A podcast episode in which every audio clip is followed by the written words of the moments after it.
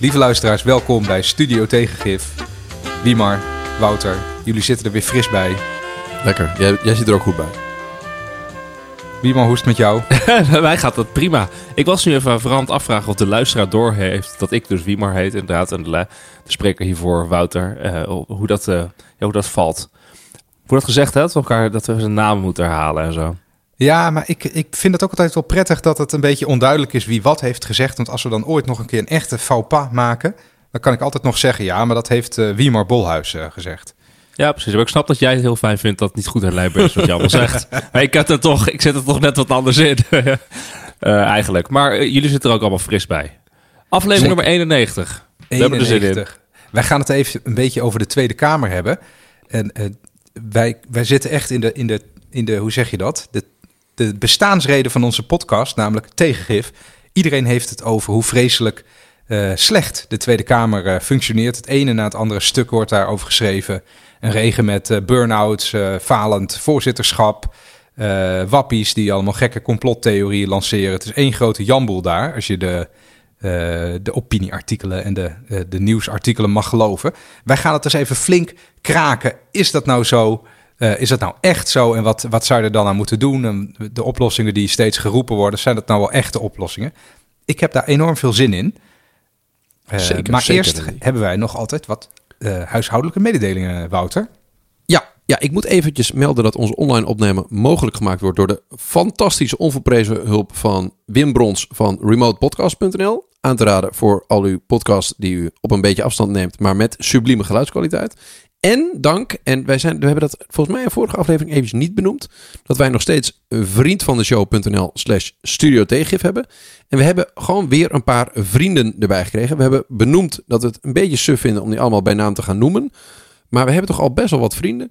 Ehm, en die zijn we ontzettend dankbaar, want daardoor kunnen we dit, eh, laten we zeggen, ongeveer kostendekkend maken. Uiteindelijk verdienen we nog steeds geen bied aan. Dat is ook helemaal niet onze behoefte, maar we hebben al eh, 23 vrienden en we zijn op zich wel op zoek naar nog meer vrienden. Dus wil je vriend worden, dan, dan zijn wij daar, staan we daarvoor open.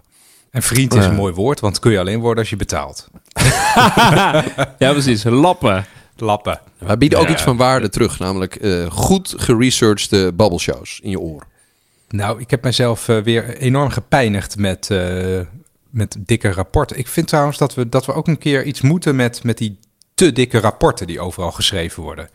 Want voor deze aflevering eh, heb ik een rapport bij de hand gehad van 384 pagina's. En dat zeg ik niet om van, oh kijk, ons eens veel lezen, want dat lees je natuurlijk niet echt. Hè? Zulke dikke rapporten. Dus dan lees je alleen de, de, de samenvatting en iedereen maakt elkaar helemaal gek met dat soort uh, woordendiarree. Maar dat, dat, dat is een soort speciale strafbelasting op invoeren, denk ik. Maar dat is even als side note. Uh, zullen, we eerst even, zullen we naar de gekte, inderdaad? Ja, want daar heb ik, daar heb ik echt... Je hebt van die gektes, daar, daar word je zelf ook een beetje gek van. En van die gektes, daar kan je wel een beetje om lachen. En dat had ik wel bij deze, namelijk de, uh, de kamikaze-begroting van kerstverse Britse premier Liz Truss. Nou, jongen, wie heeft dat niet gevolgd? De conservatieven hebben opnieuw zonder verkiezingen een nieuwe premier naar voren geschoven. Uh, die, die beste mevrouw Liz Truss, die zit nu twee weken of drie weken? Ik weet het niet eens. Ja, uh, zoiets. Het eerste wat ze meemaakte was aangetreden. Ja, het eerste wat, uh, wat ze echt meemaakte de eerste twee weken was natuurlijk het overlijden van de Queen. Daar was ze heel erg mee bezig. En daarna kwam dit ongeveer. Ja, nou dat heeft ze dan maar mooi mee kunnen maken. Want het is, het is de vraag hoe lang ze nog uh, zit. Uh, de Economist zei geloof ik, of het was geloof ik de Economist die zei... ze heeft de houdbaarheidsdatum van een krop sla inmiddels. In ieder geval, zij kwam dus zij kwam binnen met een of andere belachelijke begroting... waarbij de gigantische belastingverlagingen voor de rijken in zaten... Dat zou allemaal gefinancierd worden met leningen. Dit was een soort revolutionair nieuwe economische benadering in de categorie trickle-down. Al honderdduizend keer uh, dat dat uh, totaal falend economisch beleid is. Nou, ze dachten we proberen het nog één keer, Groot-Brittannië. Financiële markten storten meteen in. Rente schoot omhoog. Het was geweldig. Ik heb nog nooit gezien dat, dat falend beleid zo, uh, zo onmiddellijk en in extreme mate duidelijk wordt. Uh, ik, weet je waar dat verhaal van die krop sla trouwens vandaan komt? Is dat, er, dat kwam van Twitter. Er was iemand geweest, een of andere grapjas, die daadwerkelijk een teller had uh, opgezet en een live feed met een ja. krop sla. Eh, en een teller van hoe lang Liz Truss premier was. om te kijken wat eerder kapot zou zijn. Eh, daar komt de, de, de metafoor van Economist vandaan. Ehm, maar wat ik, wat ik onwijs interessant vond, is dat je doet het nu af alsof ja, er werd bewezen dat wat ik, Randy Martens, al wist, dat eh, cutting tax for the rich en een soort van uh, libertarisch trickle-down economisch verhaal, dat het crap was. Volgens mij zit er best wel wat gewicht in dat er een hele politieke stroming, als het ware een groot gedeelte van de Tories of de conservatieven in de UK hebben overgenomen, die geloofden dat dit het juiste was. Um, en dat werd als het ware in 10 minuten, schijnt het, dat de pond immens begon te uh, zakken. Debunked na het bekendmaken van die economische plannen. Uh, dat, dat kan best wel, want dat betekent dat, dat hele verhaal van het idee van cutting red, tax on the rich helpt iedereen. Dat, daar kun je niet binnen nu en vijf jaar weer meekomen als briljante oplossing voor heel veel problemen. Dat, dat vind ik best interessant. Ja, er was wel meer aan de hand, toch? Want uh, Truss werd inderdaad verkozen door de conservatieve partij met dus de belofte ik ga belastingen verlagen. Maar het grote probleem volgens mij wat uh, er gebeurde toen haar uh, minister Kwarteng, de minister van Financiën, het plan lanceerde, is dat dus bleek dat al die belastingverlagingen vooral werden gefinancierd met schuldopbouw. Dus dat, er geen, dat het geen dekkende begroting was. Uh, ja. dus, maar zat er een gat die in ook van niet door, uh, 35, 40 miljard euro, dit, wat niet was doorgerekend. En toen zeiden de financiële markten, hey, dit vertrouwen we niet. Uh, rentes gaan omhoog en de, de dollar, of de, de pondkoers gaat omlaag. En dat ging meteen heel, heel hard. Zelfs de, Euro de, de Bank of England, England dacht, we moeten nu staatsobligaties gaan opkopen. Hè? dus het was wel echt was een totale pure paniek. Ja. Pure paniek. Um, Black Friday. dus dat is het vooral. paniek. Dus het is vooral een soort ongedekte check van we, we gaan het, uh, we gaan het lenen. Um, ja, en ik vond wat natuurlijk bijzonder is dat markten zo reageren. Maar ook dat het IMF, hè, dat IMF dus gewoon zegt, uh, Internationaal Monetair Fonds uit Amerika, die nooit wat zegt over een westers land, nu ineens zegt, oké, okay, dit, uh, die moet het intrekken. Dit gaat dit echt was heel te ver. dom. Ja. Dat was echt heel dom. Je moet het niet doen. Uh, dat is natuurlijk wel, wel heftig. Ik, de, uh, het bijzondere natuurlijk dat je nu vervolg ziet, is dat deze Truss is als een heel groot fan van uh, de Iron Lady hè, van Thatcher. Dus uh, eigenlijk de jaren tachtig moet terugkomen. Dat is ook dat wikkelt daar ja, die kwamen bijna terug in één keer. Ja, ja die, die, kwamen bijna meteen terug. De crisis van de jaren tachtig. Maar um, dat is natuurlijk niet heel veel pijnlijk dat, uh, dat, dat ze dus uh, nu de hele tijd moet turnen. Hè? Dus ze moet de hele tijd voor omdraaien. En uh, zo kan dus niet iron zijn, niet sterk ja, zijn. Er werd een geweldige woordgrap gemaakt door de leider van Labour. Je hebt daar dus iedere, weet ik veel, iedere week of zo het vragenuurtje met de premier. Ja, dat is echt zo'n zo'n zo fighting pit wat, wat er dan gebeurt. Maar zij kwam daar niet opdagen. Ja, dat was wel aangekondigd hoor. Dus ze zaten niet te paar te wachten. Maar zij kwam daar niet opdagen, dat, wat heel ongebruikelijk is. Schijnbaar had ze ook een uh, soort zenuwinzinking of uh, weet ik veel wat uh, gehad. want later zat ze wel op de tribune te luisteren. Maar toen, toen zei die Ken Starmer... Stormer. Keir Starmer, sorry. Het ontschoot me even. Die zei, die maakt een woordspeling op... dat, hè, die, die, die catchphrase die zij steeds gebruikt. The lady is not for turning. Zo'n zinnetje van Thatcher. en hij zei, the lady is not for turning up... Nou, iedereen natuurlijk, uh, iedereen lacht haar uit. Dus zij is totaal. Ik, nou ja, ik, ik, heb, ik heb niet echt meegemaakt dat een leider van een groot Europees land zo vleugellam was. In een maand. nog François Hollande keer tien, volgens ja. mij. En echt, gewoon heeft echt niks meer te vertellen nu. En dan vervolgens ook uh, wat ze moet doen. Het is dus gelijk de minister van Financiën ontslaan. Die dus ook iets meer dan een maand, volgens mij 38 dagen, zeg ik even van hoofd, volgens mij minister van Financiën is geweest. Ja, dat is de vierde in die, vier maanden nu, geloof ik, ja. hè? En die Kwarteng was dus ook een van haar uh, ideologische boezemvrienden. Hè? Dus ze hebben samen allerlei plannen geschreven over, over hoe het met Engeland uh, zou moeten gaan. Met Verenigd Koninkrijk moet gaan. Die heeft ze nu meteen ja. Hop voor de bus moeten gooien. In na 38 dagen om haar eigen leven, politieke leven ja. te redden. En nu komt er dus een Jeremy Hunt, wat volgens mij een rivaal van haar was in de, in de leiderschapsverkiezing. Pro-Brexit, uh, contra-Brexit ook nog eens een keer. En contra-Brexit, die is nu minister van Financiën. Draait ongeveer alles terug wat in haar uh, financiële pakket stond van het afgelopen maand. En zegt ook eigenlijk gewoon dat ze er een enorm zootje van gemaakt heeft. Dus hij is nu eigenlijk gewoon bijna campagne aan het voeren tegen haar, terwijl hij haar minister van Financiën is. En zij kan gewoon helemaal niks meer. Want uh, Jeremy Hunt is nu eigenlijk gewoon degene die bepaalt wat er gebeurt. Want zij heeft geen geloofwaardigheid meer. Ja, ik moet wel dus zeggen, de... kijk, dat is niet zo sympathiek, maar ik heb dit keer heb ik echt schep ik bijna een beetje een sadistisch genoeg in dat dit zo totaal ontploft. Want dit type eh, incompetentie en gewoon maar wat, wat roepen en gewoon maar wat doen. Meestal wordt dat tien jaar later pas afgestraft en dan betalen de kinderen ervoor. Maar dit ontplofte gewoon onmiddellijk. Ja. Nou, mooi. Er waren ook wel, er waren ook wel tenenkrommende interviews, toch?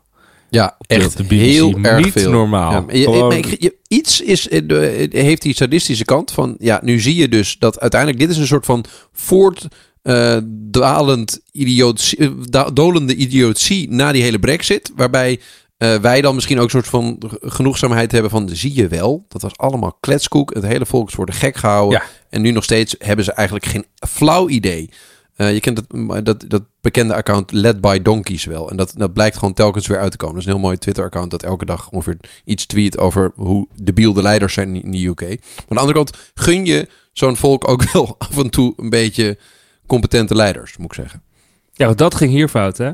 Doordat de rente dus stijgt in het Verenigd Koninkrijk, door deze plannen, die dus door de reactie op de financiële markten gaan, dus de, de hypotheeklasten van gewone Britten gaan heel sterk omhoog. Die Britten hebben dus allemaal kortdurende hypotheken, variabele rentes en dergelijke. Dus als de renteniveau stijgt, dan moeten zij gewoon per, eh, als ze heroversluiten of opnieuw op, afsluiten, moeten ze dus gewoon nou ja, honderden ponden per maand eh, extra betalen. Als de rente zo gestegen is. En je hebt- ze hebben ook nog een energiecrisis, waardoor ook de energielasten al sterk stijgen. Dus de, er worden nu gewoon, ja, zijn gewoon de, de, de, zeg maar de middenklasse van, van het Verenigd Koninkrijk wordt nu gewoon Je heel zichtbaar gewoon je bevolking. genaaid in een maand door de eigen eh, regering. En door een premier die dan zegt, ik ga nergens heen, ik blijf hier. Dat is bijna knap. Voortdurend. Het ligt niet aan mij, het ligt aan de oorlog in Oekraïne. Ik, ik kan bijna niet bedenken wat nog schadelijker is voor jezelf dan, dan, eh, dan dit. Misschien een atoombom op Londen gooien zelf. Verder was dit wel ongeveer maximale schade voor Groot-Brittannië. hey, Ja. ja. ja, mooie gekte. Hier, hadden we ook een uur over kunnen praten, maar Oh, dat gaan we niet doen. Ja. We gaan het over de Tweede Kamer hebben. Ehm, en iedereen die het nieuws volgt, die, eh, die, ziet, eh, die ziet nu het een na het andere eh, artikel over de Tweede Kamer voorbij komen. Ik noem er even een paar op, of een paar onderwerpen op. Burn-outs. Waarschijnlijk heeft iedereen een burn-out in de Tweede Kamer. Eh, natuurlijk eh, de soap rond eh Khadija Ariep. waar ze een onderzoek naar doen, terwijl zij al vertrokken is. Heel veel gezeik. Ehm, eh, de, de wappies heb ik in mijn aantekeningen staan. Nou ja, de oprechte zorg over de geestelijke gezondheid van Baudet. die, die overigens ook vandaag door de Tweede Kamer is geschorst voor zeven dagen vanwege het niet openbaar maken van bepaalde nevenfuncties en eh, inkomsten daaruit. Dat, dat, heeft alle schijn eh, ervan dat hij een soort, dat Forum voor Democratie een soort zwendeltje voert met een, eh, een BV die een uitgeverij is, boekjes die ze dan vermoedelijk zelf opkopen. Dat is allemaal onduidelijk vanwege het niet openbaar maken daarvan. Ja, dus die Tweede Kamer die, die staat er dramatisch voor, eh, Wouter. Maar mag je het lijstje, volgens mij is het lijstje nog wel langer. En wat, wat ik vooral interessant vind is dat, volgens mij is het zo dat heel veel mensen, nou, de, ons luisteraarspubliek is toch waarschijnlijk vooral een beetje hoger opgeleide eh, mensen die, eh, die wel eens eh, een krant lezen. En dat, dat is niet een hele grote groep in dit land trouwens. Ehm, maar ehm daaronder was het denk ik een tijd lang oké dat normale mensen wel eens zeiden van ja, daar in Den Haag, dat zijn allemaal zakkenvullers. Eh, dat, is helemaal plusjeplakkers, dat soort dingen. Dus dat er een, een klacht over de volksvertegenwoordiger, dat het de elite was, dat kwam vanuit de, de normale mensen. Maar volgens mij is het nu zo dat eigenlijk in heel veel groepen, eh, ook onder de, de, de, de wat hoger opgeleide eh, mensen of mensen die ook in Den Haag werken, dat er dus twijfels bestaan over het functioneren van onze volksvertegenwoordiging. Om allerlei redenen. Dus wat jij noemt net, die, die, dat het een burn-out fabriek zou zijn. Dus met onlangs eh Okje eh Tellegen, eh, Esther Ouwehand, Pieter Omtzigt. Dus echt, echt en, en ook een, het, het immense roleringssnelheid. dus dat een derde van de politici in de Tweede Kamer zit er minder dan één jaar. Ehm, en de hoeveelheid bedreigingen die ook toenemen. Dat is echt Ja. dat er een soort van angstcultuur heerst. Ehm, maar er zijn volgens mij, dat zijn een soort van beelden die, die nu overal beginnen te ontstaan. Van is de volksvertegenwoordiging zo die op dit moment opereert het beste van wat wij kunnen hebben als volksvertegenwoordiging? Of moeten we daar toch wat aan doen? En ik denk dat het een heel goed ja, startpunt is om eens- ons af te vragen van... Wat is daar nou precies mis? En wat zijn er nog meer dingen die daar... Nou wat, ja, wat wordt er allemaal laten we dat eerst een beetje inventariseren dan. Ehm, wat vaak genoemd wordt is, eh, ik begin maar gewoon even ergens. Wat, wat heel Ja, vaak ja. genoemd wordt, ik ben het daar ook wel een beetje mee eens, is de, de absurde hoeveelheid eh, eh, kamervragen en moties en zo. Dus dat heb ik even heel netjes op een rijtje gezet. Het, het zijn ook wel verbijsterende hoeveelheden, moet ik zeggen. Dus bijvoorbeeld in het vergaderjaar 2021, 2022, dus gewoon het, het meest recente volledige jaar, stelde de Kamer opgeteld eh 7099 setjes vragen. Dat is wel echt veel hoor, trouwens. Eh namen ze eh, 4384 moties eh, aan. Ehm, die, die, dat soort cijfers worden heel vaak wel genoemd, maar ook de cijfers andersom, die zijn ook best wel eh, verbijsterend. Dus het kabinet stuurde vij- 5186 brieven eh, Echt? naar de Kamer. Ja, Oh, dat, ja, oh, dat, dat, die, die maar het telt toch alles mee, ook het kleine grut. Bij die moties Ja, uitstelbriefjes ook. Ja, Bij ook, ook alle het zijn er geen uitstelbriefjes, 200, hè? eh, toch? Dus het, het Nee, is echt wel klopt. echt Hey, maar- veel. Ja, is het nou echt dat er 4000 moties aangenomen zijn... of dat er 4000 moties ingediend zijn? Ingediend. Over gestemd wordt? Ingediend, Ah, ja. Ingediend, Ja. ja. Nee, dat, eh, dan is dat goed om even te corrigeren. Ja, maar die, die brieven, eh, jij zegt van dat, dat is dan ook het kleine gut. Dat klopt. Maar er zijn ook wel onderwerpen die ik, die ik zelf eh, volg. Eh, en dan, dan word je echt overspoeld door brieven. En dan eh, probeer je ook wel eens wat terug te vinden. Is niet te doen. Maar is dit niet al gewoon even als we een, over een, een probleem hebben, een diagnose hebben, is gewoon simpelweg dat er ehm, te veel informatie geproduceerd wordt door de regering om te kunnen controleren door de hoeveelheid Kamerleden met hun eh, ondersteuning. Dus dan eh, is de vraag inderdaad van functioneert de Tweede Kamer wel? Maar je kan je ook de vraag stellen, eh, misschien functioneert de Kamer niet ten opzichte van deze regering, zeg maar. Hè? Dus, dus is het meer een verhoudingsvraagstuk dan dat de Tweede Kamer zelf niet functioneert. Nou, misschien is het bij een diagnose wel interessant. Als je eh, dan, weet ik veel, bij een diagnose eh, ga je, de, weet ik veel, de patiënt is ziek. Dan moet je eigenlijk ook een concept hebben van beter. Ehm, dus Nou, hoe zou... Kamerleden. Kijk, de Tweede Kamer heeft in principe drie functies. Dat is een medewetgever. Het is een, een controlerende, het, het controlerende orgaan van de uitvoerende macht. En het, de volksvertegenwoordiging. Dat zijn eigenlijk de drie functies. Dus wetgeven, controleren en volksvertegenwoordigen. Ehm, en dat staat daarmee altijd tegenover de, de uitvoerende macht. Dus de, de, de regering en alle ministeries en, en alle uitvoerders die die wetten dan, eh, dan uitvoeren en, en nieuwe wetten en beleid schrijven. En wat, wat volgens mij, als je dan stelt dat, dat er heel veel informatie vanuit de uitvoerende macht komt, dat dat een zorg is, dan zit daar volgens mij onder dat je stelt dat, dat de, de controlerende of de volksvertegenwoordigers in die Tweede Kamer niet de capaciteit hebben om daar echt wat zinnigs mee te doen. Met al Nou die ja, dat bakken wordt heel vaak informatie. gezegd. eh, toch, Ja, Wout? Of dat zou dan daarmee diagnose eens of niet? Ehm, nou, ik, ik, ik kom straks wel of we het mee eens zijn. Laten we eerst even kijken van wat er precies ehm, allemaal aan de Ja, hand en, en capaciteit is er ook een dubbel. Hè? Ja, Dus precies. Is capaciteit, die- de Kamerleden hebben niet de juiste vaardigheden, de juiste skills om te kunnen controleren. Of capaciteit, er zijn gewoon niet voldoende Kamerleden en niet voldoende ondersteuners. Dus dat is ook nog wel even een vraag, volgens mij. Ja, dus dat, dat, dat, is iets, dat is ook iets wat bijvoorbeeld, eh, er was een mooi eh, stukje van, eh, van de hoogleraar Voermans, die eigenlijk stelt van er zijn te weinig Kamerleden voor de hoeveelheid in- Nederlanders die er zijn. Dus je kunt eigenlijk niet een goed. En, en daar zie je ook dat de Europese schaal, dat Nederland ehm, ongeveer het minste volksvertegenwoordigers per hoofd van de bevolking. In Nederland is het meer dan 100.000 mensen per Kamerlid. Ehm, en in heel veel andere eh, landen zijn er veel, ehm, laten zeggen, minder mensen per volksvertegenwoordiger. Nou, dat, dat zou je ook kunnen zien als iets wat, wat ja, niet goed functioneert, omdat je dus te weinig eh, mensen, eh, heel veel mensen vertegen, moet vertegenwoordigen. En ook dus dat je volgens mij ongeveer anderhalf ministerie moet coveren in je eentje eh, per Kamerlid. Wat ook echt heel lastig te doen is. En dan ook nog eens een toename van communicatie en informatie uit al die eh, Ja, eh, ministeries. Ehm, en dan hebben we het nog niet eens gehad over het vraagstuk van. Wat, waar, waar mensen, denk ik, als je het op zaterdagavond op een borrel vraagt of op een feestje van, goh, wat vind je nou van de Tweede Kamer? Dan gaat het vaak over versplintering van ontzettend veel partijen en, en het niveau van het debat. Ze zijn aan het schreeuwen en schelden en het gaat ze alleen maar om mooie tweetjes. Ehm, dus er zit ook nog een soort van de manier waar. Dus je hebt enerzijds het apparaat van hoe dat vormgegeven wordt. Dus met de hoeveelheid stoeltjes en, en de, de processor daarin. Maar je hebt ook, dat is ware, de inhoud die het behandelt, waar mensen eh, Ja, ja. kritiek op hebben. Ik zat het dus ook. Dit is een beetje. We zijn nu een beetje aan het inventariseren wat mensen allemaal eh, te berde brengen. Als ze zeggen van oh, die kamer die functioneert eh, niet zo goed.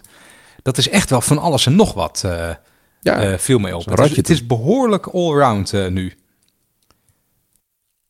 En, en, eh, maar wat, wat, wat, wat, eh, wat, wat- wat een paar die, ik- die ik nog wel ehm, eh, zou willen noemen, is dat ehm, eh, die achtergrond, dat, wordt, dat vind ik ook een hele spannende. Dat, dat ehm, een heel interessant artikel op, op Stuk Rood Vlees gaat over dat steeds meer Kamerleden, een, een, dat noemen ze dan een parapolitieke achtergrond heeft. Ehm, dat, daarmee bedoelen ze Ja, dat je eigenlijk eh, uit het politieke ambt komt. Dus dat er een soort van elitaire klasse is van mensen die ooit eerst een keer assistent worden of in de Tweede Kamerfractie gewerkt hebben en daarna eh, in de volksvertegenwoordiging komen. Waarbij Ja, volgens mij ja, ja, bijna de helft heeft dat, 43 procent.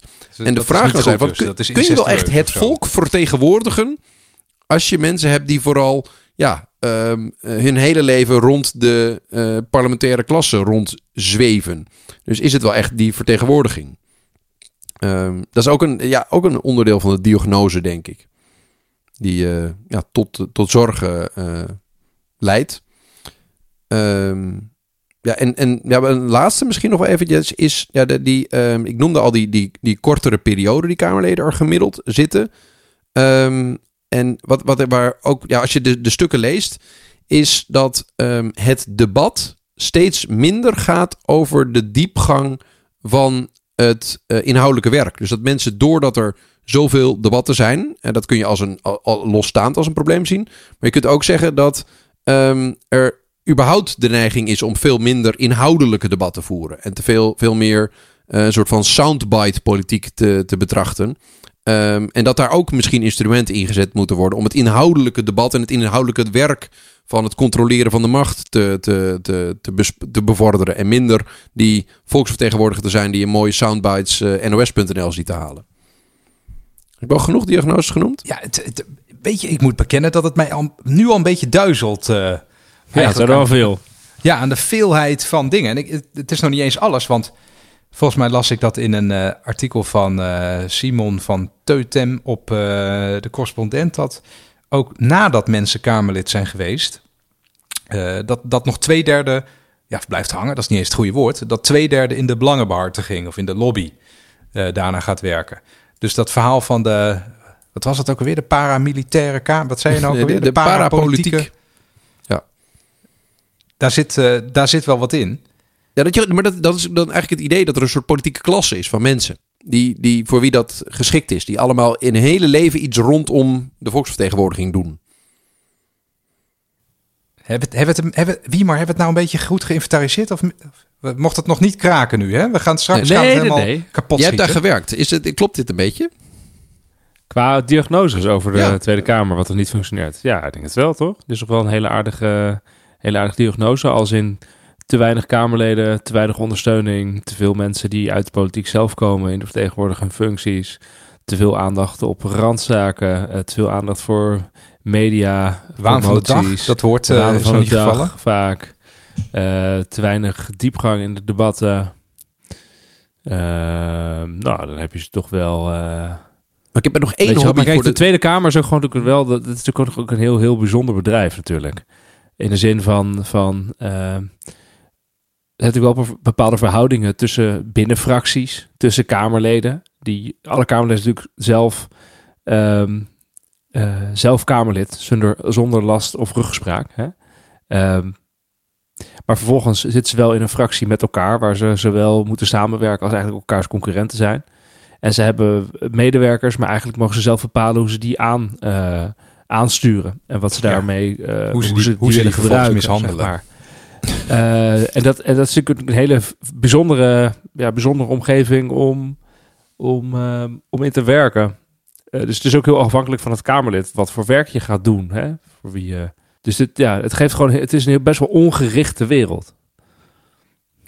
Een laatste die, die, die in de, de, laten zeggen, de, de, de mensen die op social media graag over politiek praten, heel populair is, is dat het nieuwe Kamergebouw ook niet bijdraagt aan een goede werking van de volksvertegenwoordiging. Dat het niet open is en te veel hoekjes bevalt, waardoor er te weinig toevallige ontmoetingen zijn. Uh, maar laten we die maar even uit buiten beschouwing laten, dat het, het gebouw ook daar Nou ja, invloed op heeft. Nou ja, jij zegt nu van meteen, ik ga het meteen schenden wat jij nu voorstelt. Maar Ja. uh, het is wel interessant dat eh, dat er nu allerlei discussies opkomen over er zijn te weinig Kamerleden. Eh, ook in de Kamer zelf. Gert-Jan Segers eh, bijvoorbeeld heeft daar een stukje over geschreven, geloof ik. Eh, terwijl ze net een nieuw gebouw hebben besteld. Dus dat is, het, dat is het allerslechtste moment om te zeggen van... oh ja, misschien eh, moet het wel twee keer zo groot. Hè, Want, eh, want alles wordt dan twee keer zo groot. Je hebt twee keer zoveel hokjes nodig. Nou, eh, de zaal moet twee keer zo groot, weet ik veel wat. Nou, wat ik, wat ik denk dat maar mensen dit is natuurlijk ook begrijpen- raar. Dat, dat, Ja, doe je ding weer. Nou ja, wat, kijk, de, het, het- eh, kijk, het bijzondere is natuurlijk dat het is heel impopulair om te pleiten voor meer Kamerleden of meer ondersteuning voor Kamerleden. Omdat iedereen denkt, ja, eh, hallo, die Kamerleden, die doen maar wat. Eh, wat zijn ze nou precies aan het doen? Ehm, dus, dus je pleit, bepleit het alleen als er echt een gevoel is, er is nu een window, een mogelijkheid dat ik hier steun voor krijg. En blijkbaar ziet Zegers dat nu. En toevallig was dat niet op het moment dat ze met z'n allen gingen praten over de vormgeving van een nieuw Kamergebouw. Want dan wil je dat echt niet inbrengen. De- ik vind wel dat het nu steeds duidelijker wordt, toch? Dat er gewoon te weinig. Ik denk dat het ook te maken heeft met, eh, met de hele kwestie omzicht van vorig jaar. Eh, de andere bestuurscultuur, de nieuwe bestuurscultuur. Eh, en de, de hele discussie die we toen hebben gehad van... Hey, is er nog echt wel een controlerende macht? Is er nog wel echt een tegenmacht? Kan je die rol wel vervullen? En dat heeft natuurlijk heel erg aangezet nu tot discussies van... hey, misschien moet toch het aantal Kamerleden plus een ondersteuning gaan uitbreiden. Want die, die, die controlerende functie kan niet echt uitgevoerd worden. En dat geeft volgens mij nu een nieuwe duw aan het debat. dat is toch ook wel. Ik moet, ik moet zeggen, eh, in het algemeen, hoe meer ik las, hoe meer ik ging twijfelen over. Dus eh, de vraag of het allemaal wel zo, eh, zo slecht was. En ik, ik zit nog steeds in zware twijfel. En die twijfel is ook op dat punt van die ondersteuning. Want oké, tuurlijk, hè, Kamerleden hebben wel echt ongelooflijk weinig ondersteuning eh, zoals dat nu geregeld is. Volgens mij eh, delen, eh, de- heeft een Kamerlid anderhalf medewerker of zoiets. Ja, gemiddeld. Ja. ja, dus dat is dan ja, gemiddeld. Dus dat is echt super weinig natuurlijk als je kijkt naar hoeveel inhoudelijke terreinen je moet volgen en hoe, hoe ingewikkeld je agenda is. Dus eigenlijk zou je heel goed ondersteund moeten worden. Oké, zwaar. Nou, vooruit. Eh, maar aan de andere kant is het argument van ja, maar die, die ministers, hè, die bewindspersonen, die hebben 2000 medewerkers en ik heb maar één medewerker. Eh, dat is helemaal niet zo'n heel goed argument. Want ja, natuurlijk heeft een minister meer medewerkers. Dat is gewoon de ambtenarij. Die, die, eh, die voeren dat beleid in de praktijk uit. Die bedenken dat, die, die doen alles. Ehm, en wanneer is, het dan, wanneer is het dan goed? Als een Kamerlid, eh, dan zou je twee ministeries moeten hebben. Eentje voor de Kamer, die, hè, die, die, die controleert. En eh, eentje die het, eh, die het bedenkt. En die het doet. Dus volgens mij, volgens mij blijf, je dat, blijf je dat toch houden. En dat maar de er is Kamer niet- dus op is een niet- informatieachterstand staat. Ja, dat, dat is een beetje inherent aan het controleren. Ja, maar volgens mij gaat het ook om de vraag. Ik weet niet of er een optimum, optimale verhouding is tussen aantal ambtenaren en aantal Kamerleden. Of dat te maken is. Maar je kan wel eh, vergelijken en kijken of Nederland, hoe je eruit springt op zich van andere landen. Dus inderdaad, hoeveel eh, Kamerleden per, eh, per inwoner heb je. Of sorry, hoeveel inwoners per Kamerlid. Of hoeveel Ja, ja. Kamerleden per, per ambtenaren. Hè? Dus je kan daar verhoudingen in aanbrengen. En volgens mij zie je nu dus ook signalen dat het gewoon menselijk niet meer op te brengen is om de controlerende taak van Kamerleden uit te voeren. Kijk naar alle eh burn-out gevallen die je nu eh, ziet. Dat zijn volgens mij ook signalen dat het gewoon niet meer kan. Dus dat, er, dat, er, dat de verhouding is gewoon eh, te scheef. Er is iets uit lood geslagen, moet rechtgetrokken worden. En volgens mij zie je nu meerdere van dat signalen. Eh, van die signalen zien nu opkomen. Ik denk inderdaad die burn-outs. Ik denk inderdaad die vergelijking met andere landen. Ik denk inderdaad eh, de hele discussie over... eh, kunnen we nog wel echt een controlerende macht zijn? Waarvoor hebben we Groningen niet gezien? Waarvoor hebben we de kinderopvangtoeslagaffaire niet gezien? Terwijl we zoveel Kamerleden hebben. Dus er komt ook steeds meer naar voren... hey, de, de Tweede Kamer heeft ook gewoon hele grote dingen gemist. Wat hij eigenlijk beschrijft is dat er een verandering aan het optreden is. Je beschreef net van dat het natuurlijk heel impopulair is om als Kamerlid zelf dingen te zeggen over het functioneert niet goed in de, de Kamer. Uh, of, of om zelf het aan te kaarten van dat um, als het ware het hoogste orgaan in onze democratische rechtsstaat, de volksvertegenwoordiging, dat, dat meer um, salaris of meer mensen nodig heeft. Dat is nooit populair geweest. Dat is, nee. dat, dat, um, dat is een beetje als een soort van CEO in een heel democratisch bedrijf beweren dat het salaris van de CEO omhoog moet. Ja, dat is niet heel fijn. Dat, dat vinden uh, de mensen die het niet zo breed hebben nooit een goed idee. Ehm, maar nu begint het dus wel door te dringen, ook binnen ehm, het parlement, dat daar misschien wel wat aan de hand is. Ehm, in ieder geval dat, dat, er, dat er toch wel zorgen zijn. En ik denk dat dat terug te voeren is op wat ik aan het begin zei. Over dat ik, als het ware, als je een diagnose wil stellen, moet je ook wat nadenken over wat, wat een patiënt is die beter is. Dat die eh, volksvertegenwoordigende rol, dus dus gewoon de vertegenwoordiger zijn van mensen in het land. Dat kun, daar kun je op zich heel lang over hebben, over hoe je dat kunt invullen. Want dan, dan zou je, ja, misschien wil het volk wel dat er wat meer geschreeuwd wordt en meer moties ingediend wordt. Eh, of dat er meer burn-outs zijn, ik weet het niet. Ehm, daar kun je altijd over twisten van hoe je goed. Maar de controlerende eh, functie, daarvoor kun je best beredeneren dat als er meer complex beleid, meer wetten, meer brieven komen uit de, de, de uitvoerende macht, dus uit eh, die ministeries. Dat je die controlerende ma- eh, functie van de Tweede Kamer, dat je daar echt goede ondersteuning voor nodig hebt. En ook mensen die ergens in kunnen duiken. En niet 19 fracties waarbij je eh, in je eentje soms zes ministeries moet eh, controleren als fractie. Dus die vertegenwoordigende rol, nou, daar kun je van zeggen, nou, dat, dat, dat lukt nog wel redelijk. Of in ieder geval, dan kun je van mening verschillen of, of dat lukt. Maar die controlerende rol, dat is echt iets, dat, daar, daar heb je gewoon kennis, expertise, tijd en menskracht voor nodig. Denk ik. Lijkt het, slaat het ergens op, Randy? Ja, dat slaat toch ergens op. Lijkt mij heel Ja, logisch. dat- maar God, misschien dat Ren niet helemaal on- oneens is.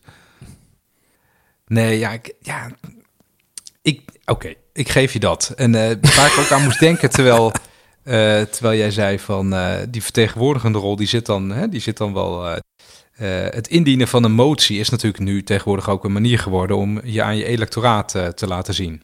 Ja, Ja. lekker tw- tweetjes met rode bolletjes tonen. Ja, Ja, dat, precies. dat is, dat is wel een manier maken. waarop je. Ja, ja, filmpje ervan maken, inderdaad. Een beetje gunstig knippen. Eh, het is wel een manier waarop je, waarop je als het instituut jezelf eh, ook toch alweer zand in de motor strooit. Hè? Eh, want de instrumenten die je hebt om dat werk te doen, dat controlerende werk, wat jij zegt, die ben je zelf bot aan het maken. Ja. Ehm, Ja, en ook dat mensen het daardoor veel minder serieus nemen. Kijk, als, je, als mensen zijn gemiddeld gezien niet gek en hebben heel goed door dat wanneer uiteindelijk het doel is veel likes op je tweetje halen waarin je laat zien dat de motie die jij ingediend hebt niet werd gesteund door jouw concurrerende partij, eh, dat dat uiteindelijk op, op de, de koers van het land niet zo heel veel uitmaakt. Anders dat het jij wat bent meer dus likes bezig met je bent bezig met lijstbehoud als politieke partij. Dan Ja, gewoon Dus politiek als marketing. Om te zorgen dat je, dat je voldoende stemmen binnenhaalt bij de volgende verkiezingen om door te blijven gaan. Dat is wat je aan het doen bent. Ja. Ik vind het wel, wel leuk. Ik zat een beetje te googlen en eh, je kan dan een, een mooi eh, overzichtje vinden. Dat heet een stuk. Dat heet 200 jaar beeld en zelfbeeld van de Tweede Kamer. Geschreven door ene Aarts. Ik ken hem niet. Maar daar staat dus eh, al in dat eigenlijk vanaf... Wat is het dan? Oh, Ik zie maar quotes uit de, de 19e eeuw. waarin Wat? dus eh, aangegeven wordt dat eh, dat de nationale tijd wordt vermorst in, de, in het debat. De, de redenvoeringen klinken als het sijpelen van een straaltje uit de waterkraan. Ehm, het is onbeschoftheid. De volksvertegenwoordiging eh, is in minachting vervallen. Eh veronderd voor de natie. Welke haar mistrouwt. Nou, heel van dat soort dingen. denk ik, ja, we moeten ook oppassen. Het is, het is een beetje in de categorie van... eh, dat de jeugd van vroeger was eigenlijk... eh, was eigenlijk eh, Vroeger was alles het, beter, Vroeger was alles Ja. beter. Nou, Dat is ook een ik- beetje wat je nu... Hier, Een van mijn, Oh mijn leer... De Remy Aarts is dit, een hoogleraar politieke geschiedenis. Ik heb hier achter nog een paar boeken van hem staan, waaronder... ah, eh, wat goed dat jij de het land van de kleine gebaren. Het staat letterlijk achter mij. Ja, Ehm, en, Oh, dat en, heeft ja, hij geschreven. Ja, dat is een bekend. eh, ja, ik heb eh, politieke ja. geschiedenis uitgestudeerd. Maar de, dus, de, de, het zit ook hierin wel wat in, hoor. Ehm, ik, ik ben dan gewoon echt een liefhebber van, van grondig geformuleerde mooie relaties die in een eh, volksvertegenwoordiging gegeven worden. En ik, ik zit soms te luisteren en denk van, ja, nou, kom op, jongens. Ehm, maar dan misschien ben ik wel een soort van nostalgisch eh, politiek droom. ja, maar er wordt dus wel al 200 jaar over geklaagd. Dat is meer Nee, dat- Oh, dat dus is dan- het, is- het was altijd gisteren beter. We- Dit Ja, is wij gewoon denken- een ontzettend goed punt. Want dat is precies ook de kern van mijn twijfel. Van oké, hè, het is een circus af en toe. Ehm, eh, als je, maar, als je dan... maar ja, het is een circus. Nou, omdat ik toch... Dit gaat dus over de volksvertegenwoordigende functie of over de electorale functie. Maar de controlerende functie, daar kan je volgens mij wel objectief vaststellen dat het Ja. slechter is geworden. Gewoon simpelweg als je de verhouding, hoeveel informatie komt er uit de ministeries naar de Tweede Kamer en hoeveel Kamerleden, hoeveel medewerkers zijn het, als je dat tegen elkaar aanzet. Ik denk dat als jij in kaart gaat brengen hoeveel stukken er in de jaren 70 uit de ministeries kwamen rollen. Ja. En je, verhu- je zet dat, verhoudt dat ten opzichte van het aantal Kamerleden en de medewerkers. Dat die verhouding nu echt eh, enorm uit de hand is gelopen. Dat was toen ook nog wat hoor. Als je zo'n kamerbrief eh, door zo'n ministerie moest krijgen. Dan moest je letterlijk Ja, moest het eerst naar de eh, rond het ministerie lopen. En, en met die pen moest je al die vinkjes krijgen van al die, door die hele lijn. Tegenwoordig kan het gewoon in de middag door de lijn door met een systeem. Maar dat, dat oké, maar dit, dit is bijna een soort conclusiemateriaal. Maar daar zit, daar zit dus iets heel essentieels. En het punt wat ik net probeer te maken is dat de Kamer dat nu ehm, zelf ook onbedoeld erger aan het maken is.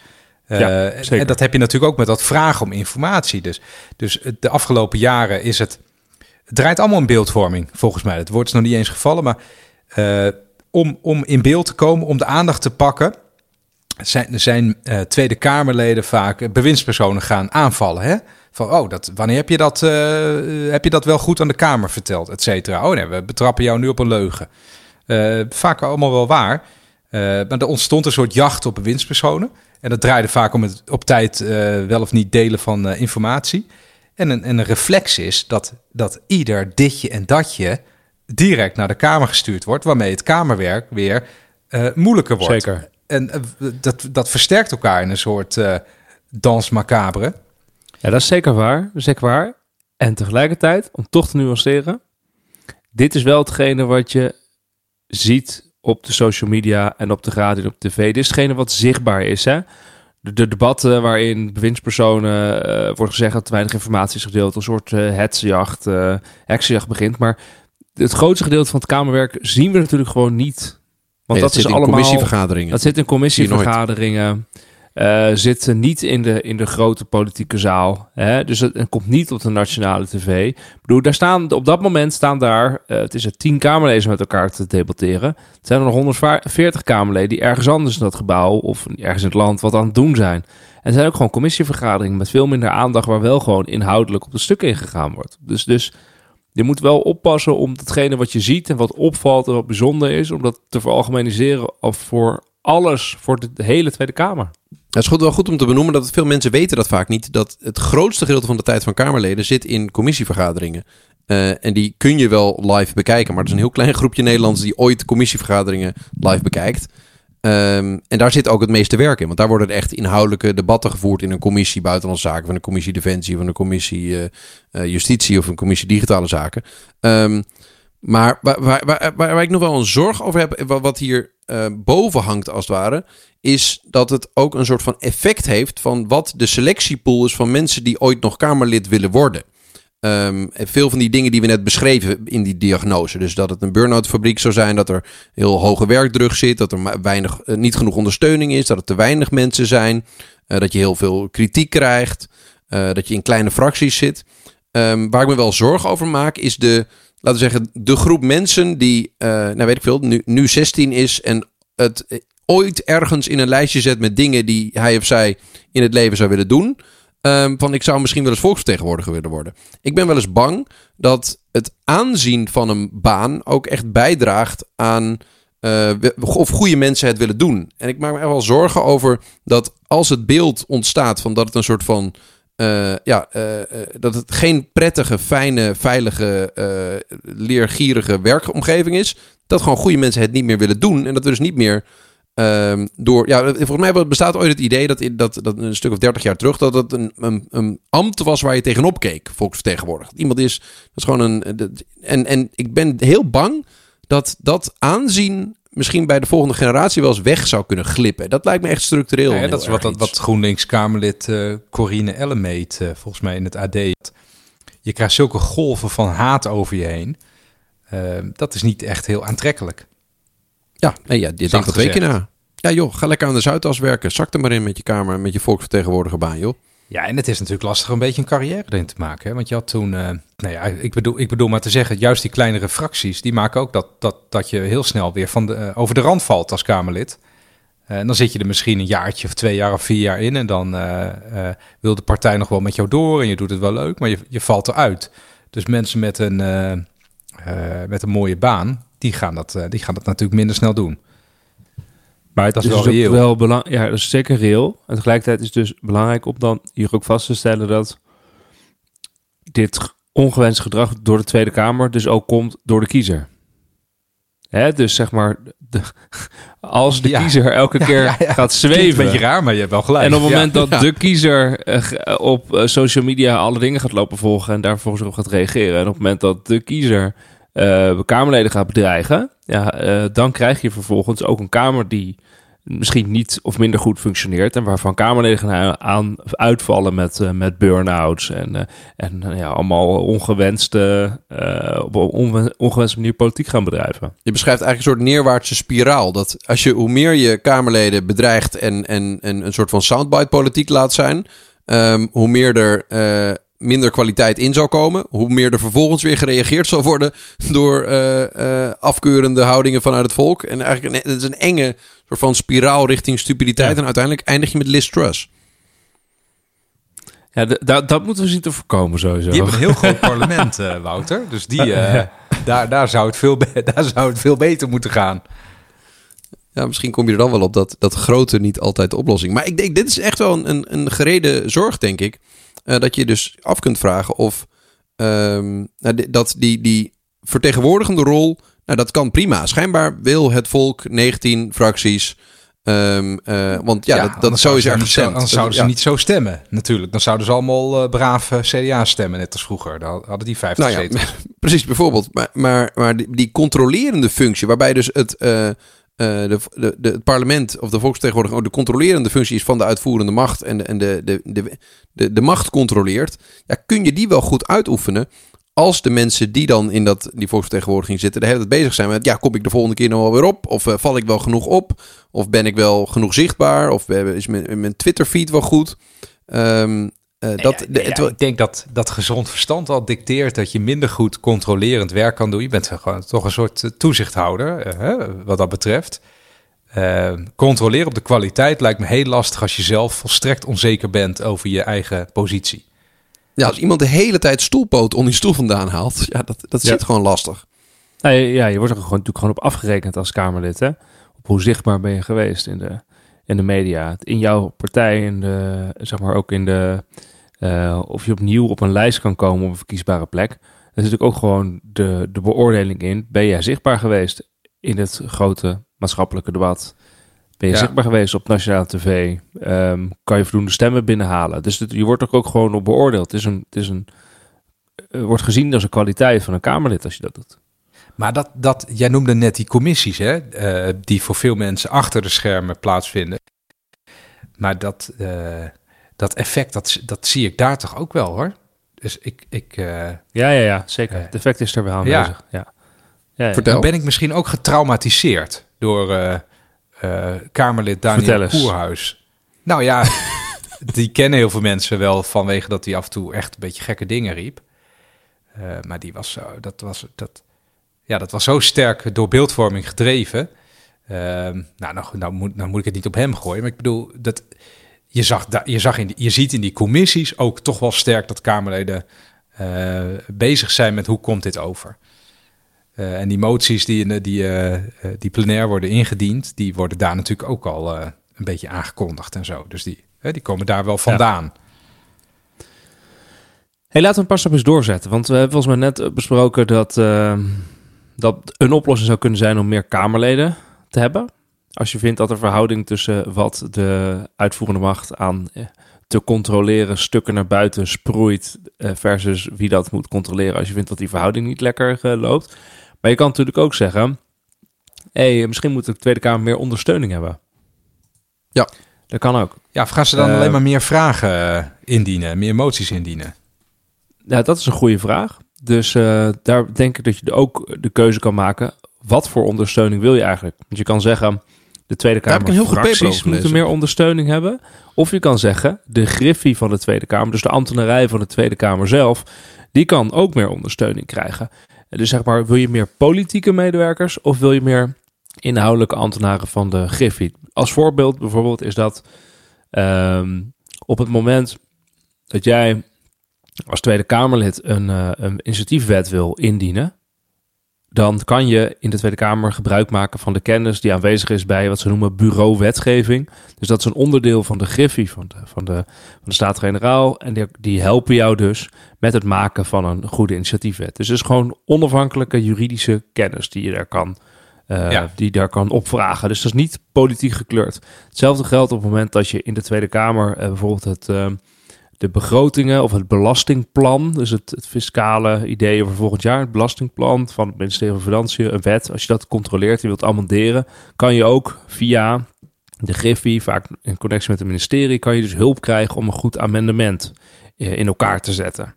Dus dat is ook onafhankelijk, zeg maar, eh, eh, niet politiek gekleurd. Dat zou je natuurlijk ook Maar kunnen doen. dat hebben En- ze al dus. Of, of zou dat uitgebreid om deze worden? voorbeelden, maar je kan dus ook uitbreiden.